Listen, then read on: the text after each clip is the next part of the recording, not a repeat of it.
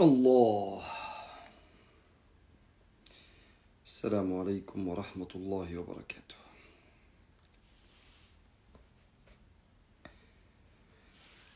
أعوذ بالله من الشيطان الرجيم. بسم الله الرحمن الرحيم.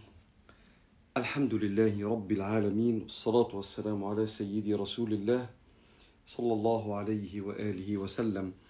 اللهم صل صلاة كاملة وسلم سلاما تاما على نبي تنحل به العقد وتنفرج به الكرب وتقضى به الحوائج وتنال به الرغائب وحسن الخواتيم ويستسقى الغمام بوجهه الكريم وعلى آله. بسم الله مكملين مع حضراتكم خاطرة الفجر وشرح الحكم العطائية لتاج الدين أحمد بن عطاء الله السكندري. مكملين مع بعض والنهاردة سيدنا ابن عطاء الله عايز يقول لك خد بالك اوعى وانت ماشي في رحلة حياتك مع الله تنسى التوصيف الرئيسي لنفسك.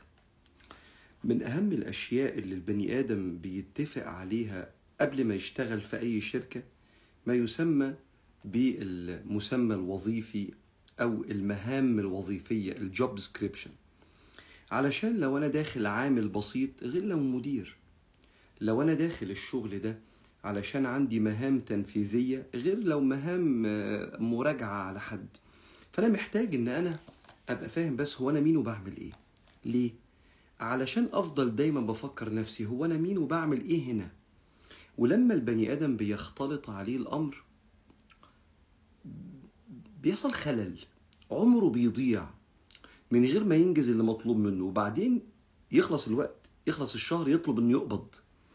يطلب إنه يقبض بس أنت مش هتقبض لأنك أنت ما خلصتش اللي عليك. عشان أنت نسيت أنت كنت بتعمل إيه هنا. عشان كده بيقول لك سيدنا ابن عطاء الله قال رضي الله عنه ونفعنا الله بعلومه وعلومكم في الدارين آمين. كن بأوصاف ربوبيته متعلقة وبأوصاف عبوديتك متحققة. التحقق هو ان أنا لما ادعي حاجة أنفذها. فابقى تحققت بما ادعيت. ادعي مش يعني كذاب. أنا بدعي إن أنا مسلم. فبتقول لا إله إلا الله محمد رسول الله. آه يبقى أنا كده تحققت. أنا حققت ما ادعيت. بدعي إني بحب ربنا. فلما يعني قالوا لي مين أغلى حد عندك؟ قلت ربنا. جه الأذان اذن قمت قايم مصلي. فتحققت بفعلي حقق ادعائي فالتحقق هو إن أفعالك تنفذ ما تدعيه فبيقول لك ابن عطاء الله هنا كن بأوصاف ربوبيته متعلقة. يعني إيه؟ هو مين اللي يؤمر وينهى؟ الله. ألا له الخلق والأمر. وأنا عشان أمر وأنهى لازم أمري ونهيي يتفق مع مراد ربنا سبحانه وتعالى. فأنا النهارده لو أمرت واحد بالكذب هو أنت مش عبد. أنت محتاج تتحقق. باوصاف عبوديتك هو أنا لو هزأت واحد أو اتريقت عليه عشان محترم وبيعمل وظيفته وبيشتغل شغلانته وبيحلل لقمة عيشه هو أنا لو اتريقت على صاحبي اللي قام صلى هو أنت مش عبد؟ هو أنا أعرف أعمل كده في الشغل أتريق على واحد مجتهد والمدير موجود أتريق عليه إنه جه في ميعاده والمدير واقف؟ ما أقدرش. ما أقدر ده أنا بعتذر للمدير له حقك عليا وإن شاء الله أبقى زي فلان ده اللي جه في ميعاده. فبيقول له كن بأوصاف ربوبيته متحققة متعلقة. يعني إيه؟ مين اللي يؤمر الله. مين الكبير اللي بيدبر الأمر كله؟ زي ما أنت بتقول فلان ده بيدور الشركة دي. هو مين اللي بيدبر الأمر كله؟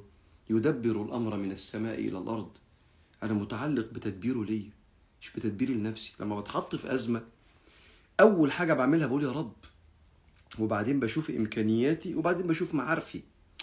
مش بشوف معارفي وبعدين إمكانياتي وبشوف بقى موضوع الدعاء ده أقول يا رب لا. ده أنا لما بتحط في أزمة بتعلق بصفات الربوبية ألا له الخلق والأمر الذي خلق وملك ودبر الأرزاق الرب سبحانه وتعالى الصاحب صاحب المكان ده كله. فبيقول له كن بأوصاف ربوبيته متعلقة.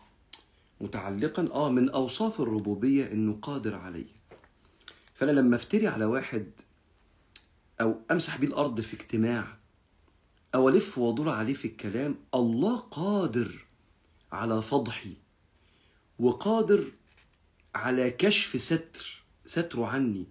فأنا محتاج أتعلق بالصفات دي عشان أبقى طيب ومتواضع وأبقى حنين على خلق الله وما أدوسش على رقبة حد. كن بأوصاف ربوبيته متعلقة. ده ربنا فوقنا كلنا وهو القاهر فوق عباده.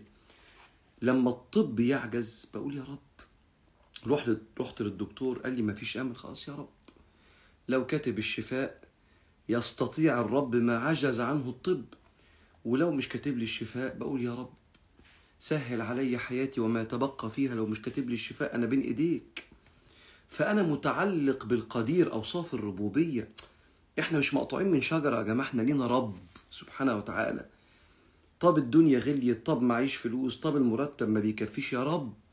ربنا قادر يأكلني ويشربني. أنا هعمل اللي عليا وأشتغل ومتعلق بأوصاف الربوبية. فاللي بقى زعلان في علاقة واللي اتخان في علاقة واللي اتطلقت واللي طلق واللي موجوع ليك رب. يرزقك من حيث لا يحت... لا تحتسب. شوف ربنا يقول لك الآية لو سمحت. انت لو حافظ الآية أرجوك عيش بيها تحقق بالآية عيش بيها. ومن يتق الله اعمل اللي عليك بس يجعل له مخرجا من الأزمة اللي هو فيها. ويرزقه من حيث لا يحتسب يعوضه بعد الأزمة. ومن يتوكل على الله لم يحمله على ربنا بيعمل اللي عليه ولم يحمله على ربنا. فهو حسبه يعني كافيه. إن الله بالغ أمره. هو ربنا يعجز. ربنا لو يحب يعمل حاجة هيعملها. إنما أمره إنما أمره إذا أراد شيئا أن يقول له كن فيكون. يا أخي ده أنت من بعيد معاك ريموت العربية بتقول للباب افتح بيفتح. ده أنت عندك إمكانيات ربنا اداها لنا في الدنيا. تشاور من بعيد كده تك تقوم العربية. وفي عربيات تانية أحدث شوية تدوس على الزرار كده تقوم العربية دايرة ومتسخنة والتكييف يفتح عشان تنزل حضرتك من البيت تلاقي العربية زي الفل وجاهزة ومستنياك. ده أنت بتأثر في الأشياء من بعد. ربنا ادانا القدرة دي. ما بالك بربنا؟ فكن بأوصاف ربوبيته متعلقة وبأوصاف عبوديتك متحققة. آه أنت عبد. آه أنا عبد. قوم صلي. أنت عبد. آه اشتغل تحقق بأوصاف العبودية. أنت عبد. آه ما تكذبش. عشان ربنا سمعك وشايفك. ما تحورش وتلف وتدور. خليك واضح. خليك واضح علشان الناس تستأمنك وبتشتغل معاك وهي متجوزاك وهي ما خليك واضح. خليك. خليك. خليك حنينة آه. خليك حنينة لأن الحني... الحنية هي سر بقاء كل شيء والأسوة هي سر انقطاع كل شيء. قال صلى الله عليه وسلم إن الله رفيق يحب الرفق ويعطي على الرفق ما لا يعطي على العنف. اللي فاكر إنه من عنف هيعرف يمشي حياته؟ لا مفيش مدد. المدد مع الرفق مش مع العنف. فبيقول له وبأوصاف عبوديتك متحقق حقق إنك عبد. آه. العبد لما بيعصي بيتوب. على طول. إنما التوبة على الله للذين يعملون السوء بجهالة ثم يتوبون من قريب. أنت عبد. راجل معدي على بشر بن الحارث في البيت وفي حفلة وصوت عالي وناس بمزيكا وبنات بترقص. خبط كده ففتحت له البنت. لها صاحب هذا البيت سيد أم عبد؟ قالت بل سيد. إيه عبد دي؟ سيد. إنه بشر بن الحارث. قال نعم. لو كان عبدا لاستحيا من سيده. ما هو يا عبد يا سيد؟ أنا شايف نفسي سيد. إيه يا عبد دي؟ صح. لو كنت عبدا لاستحييت من سيدك بشر بن الحارث كان جوه سمع الكلمة دي طلع وتاب إلى الله من وقت الجملة دي. أنا عبد. أنا سيد على ميزان. أنا غلبان. أنا أنفاسي تطلع وممكن ما ترجعش إلا بإذن ربنا.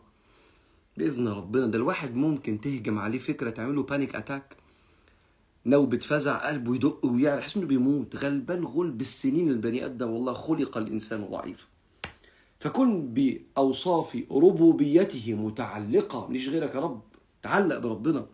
وبأوصاف عبوديتك متحققة. الله يكرمك ويرحمك يا سيدي ابن عطاء الله. بيقول إيه بقى يا سيدي؟ ما الذي يصل الميت؟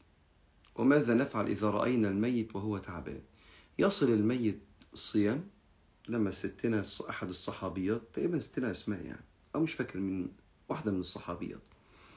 يا رسول الله أمي ماتت وعليها صيام. أصوم عنها؟ قال نعم دين الله يحق أن يقضى. فخد منها العلماء إنها تصوم وتوهب لها الأيام فالصيام بيوصل. طبعا ادعوا لأخيك في الدعاء فإنه الآن يسأل الدعاء يوصل. الصدقة الجارية طبعا توصل حتى لو من فلوسي مش من فلوسه. توصل له. العمرة الحج. الست بتقول لسيدنا النبي آه، آه، آه، أنا أحج عن شبرمة. فقال لها أنت حجتي لنفسك. حديث في البخاري. قالت له لا. قال لها طيب حج لنفسك والسنة الجاية حج عن شبرمة. يبقى يبعت الحج شبرمة ده أبوها يعني. كان اسمه كده. فالأعمال الصالحة تقريبا كلها بتوصل. أما إذا مات ابن آدم انقطع عمله هو. مش عمل الناس اللي بيتبعت له. عمله إلا من ثلاث وفي رواية إلا من سبع. وبعدين يعد النبي عليه الصلاة والسلام صدقة جارية علم ينتفع به ولد صالح يدعو له بئرا لله حفره نهرا لله أجراه مصحفا آه، ورثه نهرا آه، مسجدا لله بناه وهكذا. طيب. عرفت إن الكتاب اللي حضرتك بتفسره صوفي إزاي بتشرح لنا كتاب زي ده؟ هو الأجيال اللي إحنا فيها دي اتظلمت لما ما فهمتش التصوف صح. إحنا وإحنا رايحين في سكتنا لربنا سبحانه وتعالى بيبقى عندنا عقيدة بنعتقدها وبيدرسها لنا علماء العقيدة. يدرسوا لنا آه، آه، آه، عقيدة الطحاوية للإمام الطحاوي الخريدة البهية عقيدة العوام زي ما المشايخ في الأزهر بتدرس. جوهرة التوحيد. فإحنا بندرس عقيدة وبندرس فقه. بيبقى ناس عندها مذاهب من المذاهب الأربعة الأحناف المالكية الشافعية الحنابلة. وبندرس سلوك. السلوك ده أن يصير قلبك صافيا فترى الله في كل شيء وترحم الخلق. ده التصوف. إيه اللي حصل؟ في الأجيال في السبعين ثمانين سنة اللي فاتت إن كانت الأمة كلها بتبحث عن التصوف من لدن الأجيال الأولى. لكن طلعت أجيال فيها مشكلتين. المشكلة الأولى مشايخ مشهورين بيشتموا في التصوف وناس بتنتسب للتصوف بتعمل تصرفات غلط. فكل ما المشايخ المشهورين دول يشوفوا الناس اللي بتنتسب نفسها بتنسب نفسها للتصوف بتعمل تصرفات غلط مش عارف يرقصوا في الموالد إزاي يروحوا الموالد يشربوا سجاير ويعملوا مش عارف إيه يبقوا مش ملتزمين بعبادة ربنا يقولوا ده تصوف. فتفضل المشايخ دي اللي محتاجة تتعلم يعني تصوف يقعدوا يشتموا في التصوف علشان الناس دي. طيب هو التصوف مش كده. يا أخي خليك مسلم. إيه الإسلام؟ أن تشهد أن لا إله إلا الله وأن محمد رسول الله وتتعلم العلم على ايدين العلماء. السلف الصالح. قال الله قال الرسول قال العلماء. بس لما تروح عند العلماء هتقول لا هتلاقيهم بيقولوا لك الدين ده أدب.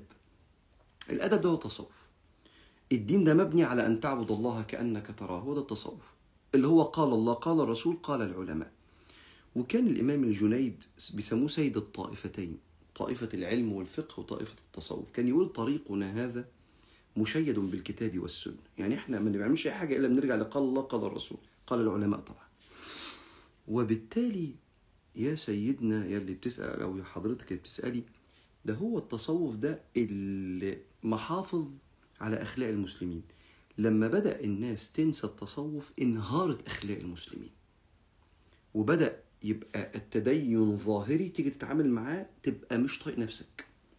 لأن التدين الظاهري ده جزء من التدين. أصل التدين كما قال سيدنا عمر لا يغرنك طنطنة الرجل بالليل والنهار. صوته الحلو في القرآن. ولكن الرجل من إذا حدث صدق وإذا عاهد تمن أو كان أمينا وإذا أشفى ورع وإذا أشفى ورع. يعني لو طمع الورع يمسكه. هطمع في اللي في إيدك؟ لا استغفر الله مش حاجتي. فالصدق والأمانة وكف الإيد عن السرقة والاعتداء ده الدين عند سيدنا عمر. ولما سيدنا رسول الله قال المؤمن من أمنه الناس على أنفسهم دمائهم وأموالهم وأعراضهم كما في بعض الأحاديث لما الكلام ده اختفى اصل هو ده التصوف اللي هو أن تبحث عن صفاء القلب فترى الله في كل شيء بقلبك لا تغيب عنه في شيء وترحم الخلق. بس هو كده. حتى إن علماء التصوف العلماء ينكروا على الناس اللي بتنسب نفسها للتصوف وتعمل تصرفات غلط. فيا صاحبة السؤال أو يا صاحب السؤال لما نشرح كتاب آه، ليه علاقة بالتصوف دي ده شرف. شرف. ولما بعض الناس تقول لك وأنت صوفي ولا إيه؟ أنا ما طولش يا جماعة. والله العظيم ما نطول. أنا ما طولش أبقى متصوف. أنا أحب التصوف. لكن تقول لي أنت صوفي يا عم إحنا أهل دنيا قوي إحنا أهل دنيا قوي التصوفه دول يا عم ناس سبقت عند ربنا. إحنا غلابة يا عم. بس يعني لما يرجع تاني الكلام عن الأخلاق وعن التصوف المنضبط بالكتاب والسنة هترجع تاني الأخلاق للأمة. والله أعلم. طولت في الإجابة. جميلة بتقول لي السنوات الماضية كنت بختم القرآن ثلاث مرات في رمضان. هذه السنة وجدت عملا لكنه متعب فلم أستطع أن أختم القرآن وأشعر بالتقصير. ماذا أفعل؟ انتقلت من السنة إلى الفريضة. انتقلت من السنة إلى الفريضة. لحظة واحدة يا شباب. الله الله الله الله. لحظة واحدة.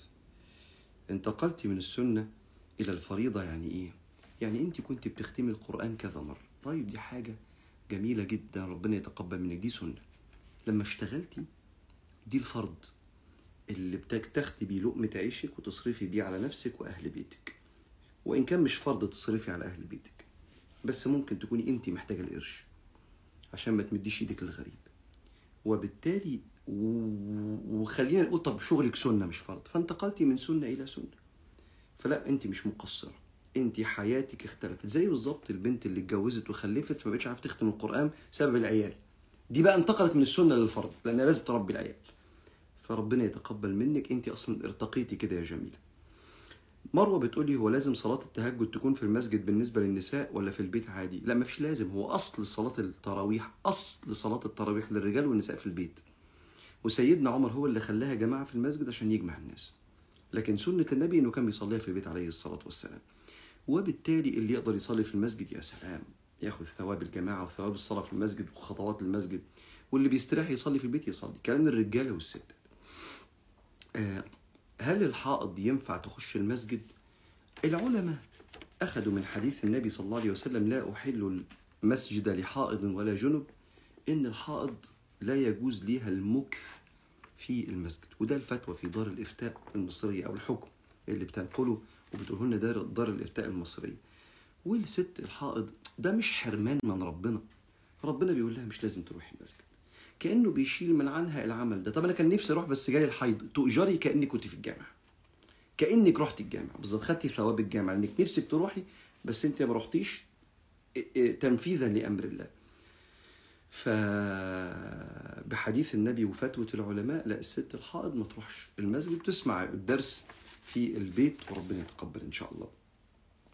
بتاوب كتير أول ما باجي أصلي. هل ده معناه إيه؟ معناه أنوار. أنوار الصلاة وأنوار القرآن. وممكن يبقى معنا إحنا واكلين جامد فالدم بيتسحب في المعدة شوية عشان الهضم مثلا يعني. أو يعني يعني الواحد مش نايم كويس. لكن لو عاملة كل اللي عليك وبتتوبي دي أنوار القرآن. بتخلي الجسم تقيل. واحدة صاحبتي خانت جوزها بس ما وصلتش للزنا وتابت إلى الله.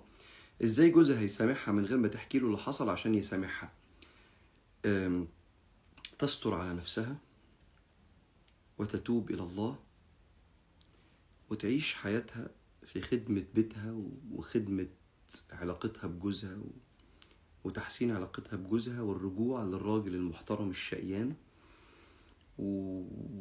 وتكرمه وبينها وبين نفسها تعوضه لأن أكيد في فترات البعد عنه والخيانة أكيد ما كانتش في أحسن حاجة ولو كانت في أحسن حاجة برضه تعوضه وتحسن وتتوب إلى الله وربنا سبحانه وتعالى يرضيه يوم القيامة. استري على نفسك وحافظي على بيتك. مادام تبتي لربنا سبحانه وتعالى. وربنا يراضي جوزك في الآخرة إن شاء الله ويسترك في الآخرة كما سترك في الدنيا. هل يجوز للأب أنه يدفع زكاة الفطر عن أولاده حتى لو أولاده متزوجين وفاتحين بيوت وعندهم شغل؟ لو اتفقوا على كده بس خلاص ما هم طلعوا من إنفاقه وبقى عندهم دخل هم اللي المفروض يصرفوا على نفسهم. لكن الأب قال يا أولاد أنا السنة دي هدفع عنكم خلاص. ماشي تمام. هو كأنه زي ما عزمهم على الحج مثلا عزمهم على العمره المهم يجزئ إنه يطلع عنهم أو هم يطلعوا والاولى طبعا هم يطلعوا. أه هل صحيح إن اللي بيقول الله موجود في السماء بيكون كفر؟ لا هو القضية مش مسألة الكفر. هو ده قول بدعة. بدعة في الاعتقاد إن بعض الناس ينسب إن الله في السماء. طب ما ربنا قال أأمنتم من في السماء؟ فالعلماء زي ما كان بيقول الإمام الطحاوي ودرسناها مع المشايخ لا تحويه الجهات الست. معلش كلام علمي شوية. يعني ربنا ما ينفعش أقول ربنا فوق. فوق هنا يعني؟ يعني كأن ربنا مثلا جسم فبعد السماوات السبعة يبدأ مثلا رجل ربنا أو تبدأ مثلا إيه الناس بتتخيل الأطفال يتخيلوا كأن ربنا شيخ. فالجلابيه تبدأ من قالوا إيه ده؟ استغفر الله. ليس كمثله شيء. وبعدين ربنا مش جرم. يعني ربنا مش جسم. فالتجسيم لربنا دي بدعة في الاعتقاد. يعني غلط ما تعملش كده. والإشارة إن ربنا في السماء كان طب والناس اللي في الكرة الأرضية اللي هم من هنا بقى. ربنا في السماء اللي هو يعني هو فين ربنا؟ فالله ليس في جهة. هم أأمنتم من في السماء سلطانه عظمته قدرته؟ لكن ربنا مش جسم عشان يبقى في مكان. بحيث إن إحنا نعدي السماء الأولى الثانية الثالثه الرابعة وصل نبدأ بقى ربنا. لا ربنا مش جسم عشان يكون في مكان. فهو موجود سبحانه وتعالى لا في مكان لأن الله لا يحويه مكان. وبالتالي ما نقولش عليه كافر بس اللي بيقول ربنا في حتة ممكن يكون فهم الآية غلط فأخطأ أخطأ. واللي يقول على ربنا جسم أخطأ.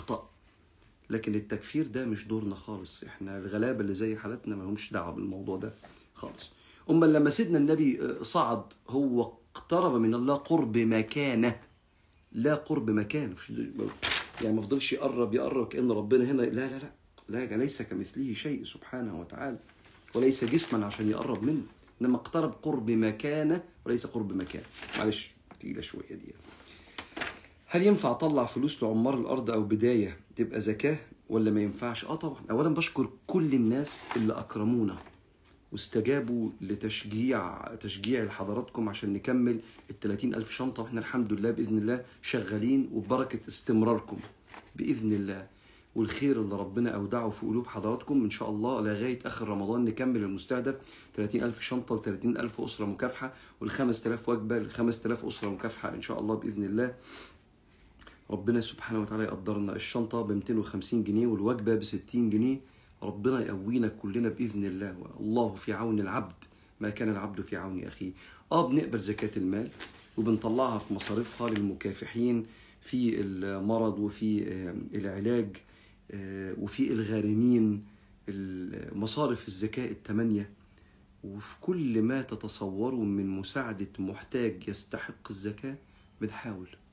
في عمار الأرض وبداية فطبعا بنقبل الزكاة. هنا بتقول لي دايما بحس إن صلاتي مش مقبولة ولا صلاة صحيحة وإن في حاجة غلط وإزاي أتغلب على الإحساس ده؟ شيطان وتربية دينية خاطئة. تربية دينية مبنية على إن الله مش واسع القبول وإنما بيدقق معانا تدقيق يخليه ما يقبلش أو يخلينا مش مقبولين عنده إلا لما نبقى زي الصحابة وزي الأئمة. تربية دينية خاطئة. مصدرها حب بالمناسبة. بحب ربنا فعايز أصلي صلاة تليق بالله. هو مش صلاة تليق بالله. صلي صلاة تليق بإلهك أو اعبد إلها يليق بصلاتك. لا مش هعرف أعمل ده.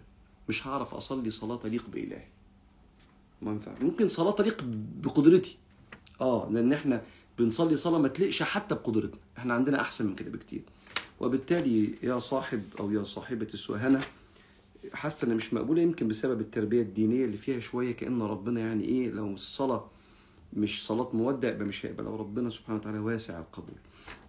وحاجة تانية آه آه شيطان بيزعجك بيزعجك إنك أنت ربنا مش هيقبلك. الشيطان يعدكم الفقر. آه مش هيقبلك. وده من الفقر فقر الإحساس بالأمان مع الله. فاستعيذي بالله من الشيطان الرجيم. استمري في صلاتك وربنا يقبلك إن شاء الله. يلا اسيبكم تروحوا تتسحروا. ناقص لي سؤالين. خلي السؤالين بكرة إن شاء الله عشان ما نطولش أكتر من كده. بسم الله الرحمن الرحيم. الحمد لله رب العالمين والصلاة والسلام على سيدي رسول الله صلى الله عليه وآله وسلم. اللهم اغفر لنا كل ذنوبنا وإسرافنا في أمرنا وثبت على عبادتك وخدمة عبادك أقدامنا. اللهم انصرنا على أنفسنا اللهم انصرنا على شياطيننا. اللهم انصرنا على عيوبنا. اللهم وسع علينا في أرزاقنا. حتى لا نمد أيدينا إلا إليك ولا نتوكل بقلوبنا إلا عليك. اللهم أعنا على إصلاح عيوبنا ولا تجعلنا عبئا ولا أذى على أحد. اجعلنا سندا لمن اعتمد علينا. واجعلنا عونا لمن لجأ إلينا.